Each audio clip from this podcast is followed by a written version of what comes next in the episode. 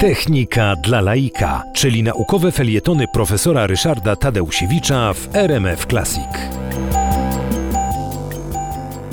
Sztuczna inteligencja to bardzo modny obecnie temat.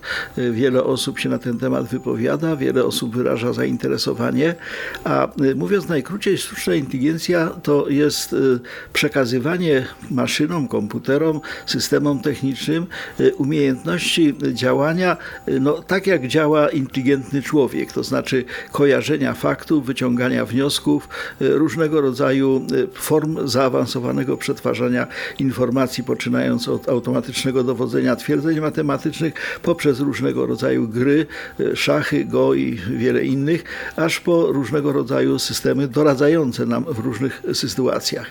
Natomiast e, ja e, lansuję ten, ten, ten termin archipelag sztucznej inteligencji, chcąc podkreślić fakt, że metody sztucznej inteligencji, których wymyślono bardzo dużo, nie stanowią takiego integralnego systemu, jak na przykład różnego rodzaju techniki w zakresie mechaniki, elektrotechniki, no, czy nawet nauk humanistycznych, historii czy, czy, czy geografii.